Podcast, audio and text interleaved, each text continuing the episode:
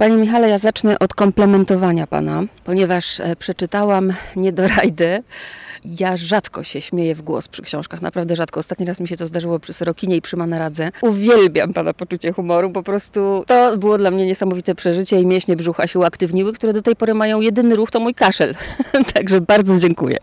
Bardzo dziękuję. Y, Taki właśnie był mój pomysł. To znaczy nie, żebym od razu miał na myśli pani mięśnie brzucha, ale tak naprawdę to, to to jest tak, że ja się zacząłem zastanawiać, co takiego jest, co takiego tkwi w ogromnej popularności, czy skąd się bierze ogromna popularność poradników. Podobno Polacy najchętniej kupują poradniki, właśnie poradniki. I to takie, no, wydawałoby się zdumiewające, na przykład jak być Paryżanką. Dlaczego ma- mamy chcieć być Paryżanką? Kami. No ale jakoś chcemy, bo w pewnym momencie na rynku było aż 20 poradników z tym, z tym związanych. Panie Michale, czy w momencie narodzin pomysłu na tę książkę nastąpiło u pana przestawienie dzyndzla w głowie? Aha, przestawienie dzyndzla. Wiem, do czego pani tutaj pije, że tak powiem. No nie, ja, wydaje mi się, że ja nie mam dzy, dzyndzla w głowie, e, ale jest to bardzo profesjonalne określenie z jakiegoś poradnika, jak pisać, jak zostać pisarzem.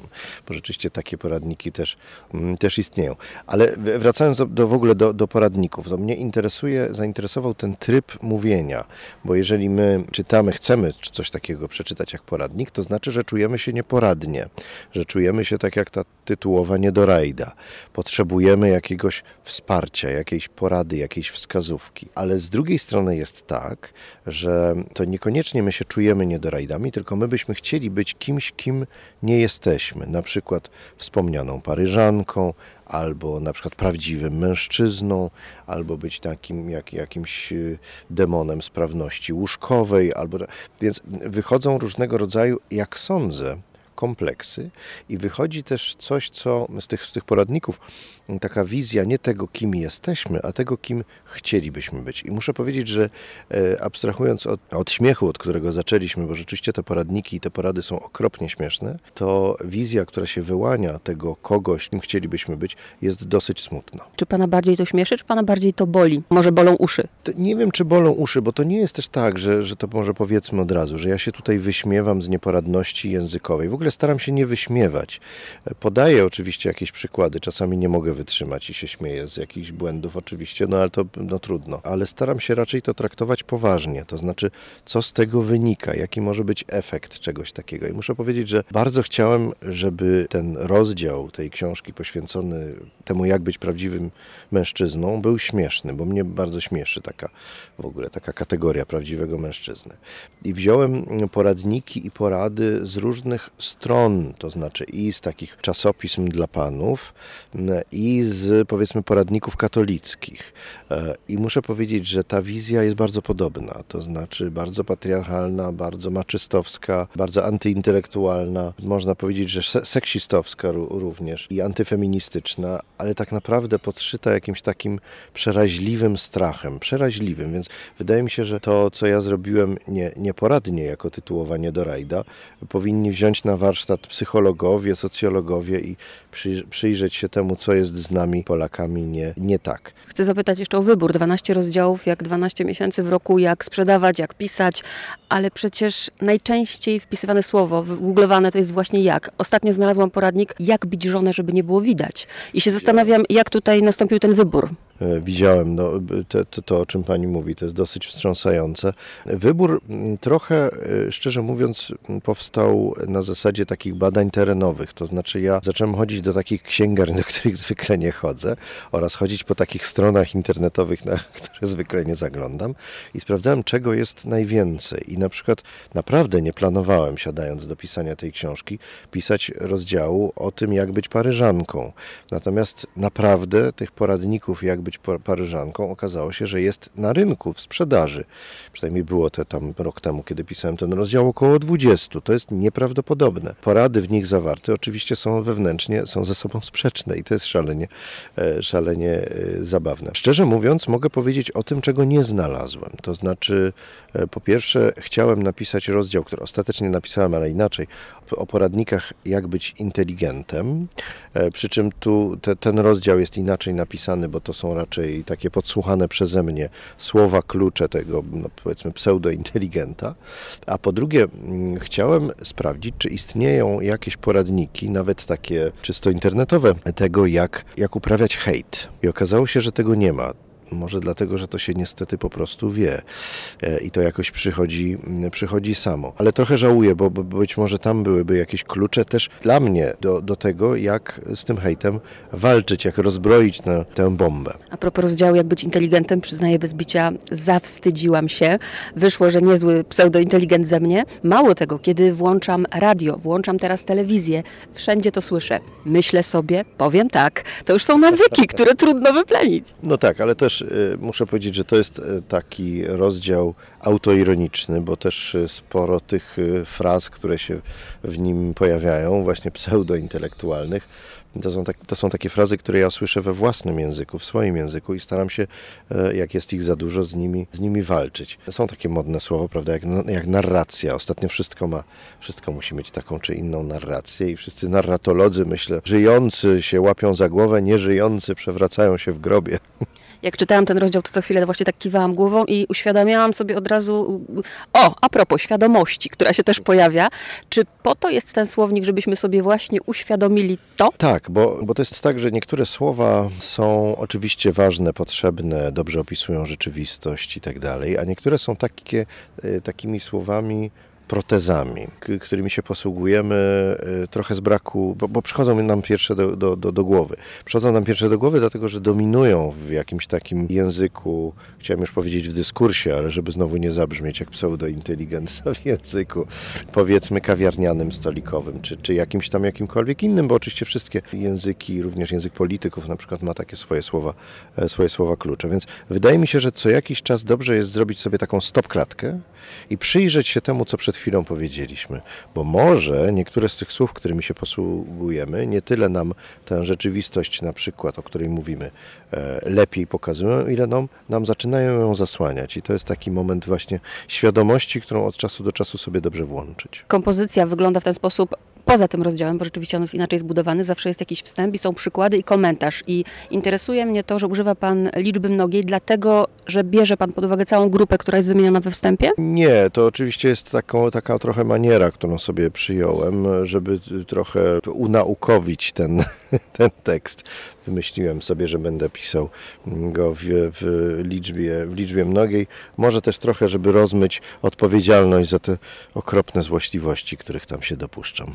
A słuchaczom wyjaśnimy, o jaką grupę mi chodziło? We wstępie składam podziękowania różnym moim znajomym facebookowym, e, którzy mi bardzo pomogli. O tym powinienem wcześniej był powiedzieć, przepraszam, ale tak naprawdę to właśnie przez media społecznościowe, czy też dzięki mediom społecznościowym ja dochodziłem, docierałem do wielu poradników, stron internetowych, e, których, do których bym w życiu e, nie dotarł. Są po prostu tacy, tacy ludzie mm, i mam szczęście mieć ich wśród znajomych właśnie, którzy, którzy od lat, od lat tropią różnego rodzaju absurdy, właśnie takie poradnikowe i wręcz kupują i zbierają różnego, różnego rodzaju poradniki. Składam im podziękowanie we wstępie. Ja się tego nie wstydzę i przyznaję bez bicia, że miałam taki okres w życiu, gdzie przeczytałam naprawdę dziesiątki poradników. Kiedy je czytałam, na przykład jak schudnąć, to przyznaję szczerze, że bardzo byłam zmotywowana w momencie czytania. Bardzo to działało. Po zamknięciu książki trochę mniej proszę o taką szczerą odpowiedź, czy panu Zanim oczywiście zajął się Pan pracą nad tą książką, zdarzyło się czytać poradniki? Przyznam szczerze, że nie. Chyba nigdy nie czytałem żadnego poradnika. Tak mi się wydaje teraz. E, natomiast przetłumaczyłem jeden poradnik, z którego zresztą obficie cytuję, bo on był okropnie zabawny. To był poradnik napisany przez Leslie Grant Adamson, taką pisarkę kryminałów brytyjską, która napisała poradnik Jak napisać kryminały. Ponieważ jest to bardzo mało znana pisarka kryminałów, więc miałem wrażenie, że ona dlatego napisała ten poradnik, że nie bardzo jej wychodzi pisanie kryminałów. Może to jest moja złośliwa uwaga na stronie. Natomiast ja myślałem, że pani mnie złapie za co innego, za moją niekonse, nie, niekonsekwencję, ponieważ napisałem kilka poradników I to jest, tu jest pewien problem. E, Zastanawiałem się, czy ktoś nie e, w ramach na przykład pisania recenzji z tej książki, nie, nie do rajda, nie, nie napisze na wzór tych moich rozdziałów takiego niedorajdy z mojej książki. Polecam, bardzo mi będzie miło oczywiście, ale ten dyskurs poradnikowy w moim przypadku, ten, ten, ten, ta, ta książka, którą napisałem, o której zresztą rozmawialiśmy, czyli jak się dogadać, tak naprawdę jest, można powiedzieć, nieelegancko owocem, ale kilkunastu lat y, pracy w podyplomowym studium retoryki. I jest próbą, można powiedzieć, podsumowania tego, tych pomysłów edukacyjnych czy, czy warsztatowych, jakie wspólnie z panią profesor Anytą Załazińską, współautorką tej książki, mieliśmy, więc to, to jest chyba trochę inaczej niż w przypadku większości tych poradników, które, które brali, brałem na warsztat. Właśnie on jest taki nieporadnikowy, traktowany jako książka językowa, ale czy nie obawia się pan tego, bo jednak naprawdę mnóstwo ludzi czyta poradniki, ogrom tych poradników jest na rynku, że ktoś odczyta tę książkę jako właśnie naśmiewanie się z tego czytelnika, y, który czytuje tego rodzaju literaturę. Bardzo bym tego nie chciał i szczerze mówiąc, mam nadzieję, że lektura tej książki pokazuje, że ja się tam z nikogo nie śmieję. To znaczy, śmieję się z nas w ogóle, z, z ludzkości, można powiedzieć, natomiast niekoniecznie z tego typu e, czytelnika. Proszę pamiętać, że tak naprawdę to ta potrzeba poradnika, czy bierze się czytania poradników, bierze się tak naprawdę z takiego przeświadczenia, e, że my za pomocą słów, tym przypadku tych słów poradnikowych, zmienimy jakoś rzeczywistość. A to schudniemy, a to zaczniemy biegać, a to staniemy się prawdziwym mężczyzną, a to staniemy się paryżanką, prawda? Za pomo- przeczytawszy tam coś. E, I to jest takie myślenie, które nam towarzyszy od czasów pradawnych, bo myślenie magiczne, po prostu, że za pomocą słów, jakiegoś zaklęcia, stoliczku nakryj się, nagle spowodujemy, że stoliczek się, stoliczek się nakryje. Tylko oczywiście te pradawne zaklęcia teraz mm, według mnie przekształciły się właśnie w, takie, mm, w taki język, e, w taki gatunek poradnikowy. I to wydaje mi się bardzo, bardzo interesujące. Oczywiście jest taki wątek, który pewnie pani zauważyła w tej książce, obawy o podział na na przykład newsy i fake newsy, rozum i, i brak rozumu, bo bardzo mi się nie podobają i, i rzeczywiście tu szydzę, nie ukrywam, z takiego języka, z takiego nurtu antyinteligenckiego, który odżywa teraz, nie tylko zresztą w Polsce. To jest oczywiście e, zasługą populistów i zasługą e, też internetu, w którym jest tak naprawdę wszystko i nie ma żadnej selekcji. Jest to takie, taka gleba, na której wyrastają różnego rodzaju kuriozalne e, idee, chociażby anty, antyszczepionkowców, którzy tak naprawdę, to już nie jest kuriozum, to już jest tak naprawdę czas, żeby bić na alarm, bo, bo, bo niedługo może się to dla nas czy dla naszych dzieci bardzo źle, e, bardzo źle skończyć. Więc te, ten antyintelektualizm czy antyintelektualność w tych, w tych poradnikach, z tego jednak szydzę.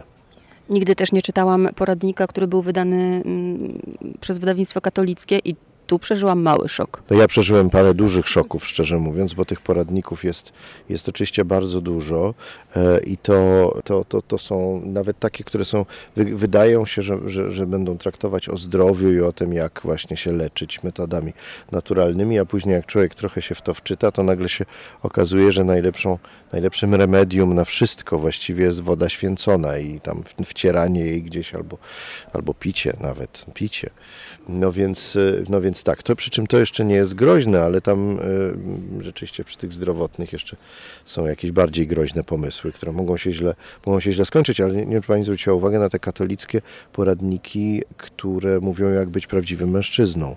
I to jest przerażające, bo ja bym naprawdę nie chciał mieć nawet sąsiada takiego, już nie mówiąc o, o mężu, czy w ogóle ko, ko, kogoś, ko- kimś w rodzinie, e, kto byłby mm, właściwie w ten sposób ukształtowany przez ten, przez ten poradnik. I tam są również e, w tym poradniku, który ja, który ja cytuję, obficie, są listy takich e, kobiet, które na przykład na początku związku e, były feministkami, bo tak były wychowane w domu, ale potem mąż jednak je przekonał do tego, że mają mu się podporządkować i tylko wtedy będą e, szczęśliwe. I szczerze mówiąc, ten list trochę brzmi jak takie wołanie o pomocy kogoś, kogoś e, no, uwięzionego gdzieś. Do, dosyć to przerażające.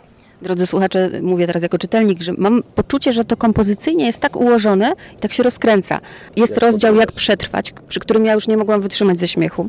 I chociaż uważam, że nie da się wyrywkowo tego może wzbudzić, ale proszę o przeczytanie, ja sobie zaznaczyłam ten fragment. O wiele łatwiej poradzić sobie z rekinami. Trzeba mianowicie podejść do nich tak, jak podchodzimy do zbliżającej się sfory psów. Trafnie odczytać ich zamiary.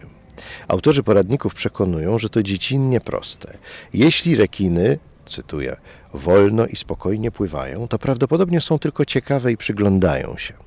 Natomiast jeśli krążą wokół nas, mają skierowane w dół płetwy piersiowe, uniesione głowy i wygięte karki, oznacza to, że zaraz zaatakują. Co wówczas zrobić? Nie należy krzyczeć, miotać się, panikować, bo przerażenie to muzyka dla uszu rekinów, powiada autor poradnika. Należy natomiast albo rekina zaskoczyć, na przykład płynąc w jego kierunku z okrzykiem bojowym, tak swoją drogą, nie wiem jak się y, wykonuje okrzyk bojowy pod wodą, no ale dobrze. Ym, więc ta, wróćmy, y, płynąc w jego kierunku z okrzykiem bojowym, albo uciekać w stronę brzegu lub łodzi, nie spiesząc się. Poruszaj się z gracją i staraj się nie chlapać. Dla rekina może to być oznaką paniki. W pierwszym przypadku, jak rozumiemy, rekin może umrzeć ze śmiechu. W drugim darować nam życie, zachwycając się elegancją naszego stylu pływackiego, dobrego wychowania i opanowania nerwów. Zostało udowodnione, że rekiny zwykle unikają miejsc, gdzie znajdują się martwe rekiny.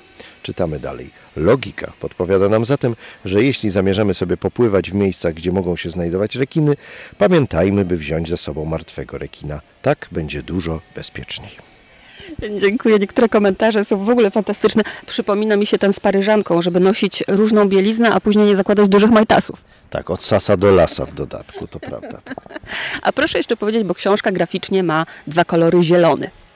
To już jest pomysł wydawnictwa? Tak, to jest pomysł wydawnictwa. E, Chodziło o to, żeby jakoś te obficie przeze mnie cytowane książki i w ogóle cytaty, żeby jakoś tak wy, wyróżnić. Bardzo się cieszę, że nikt mnie nie posądzi, że to są moje mądrości, bo są to, co na zielono, to nie ja.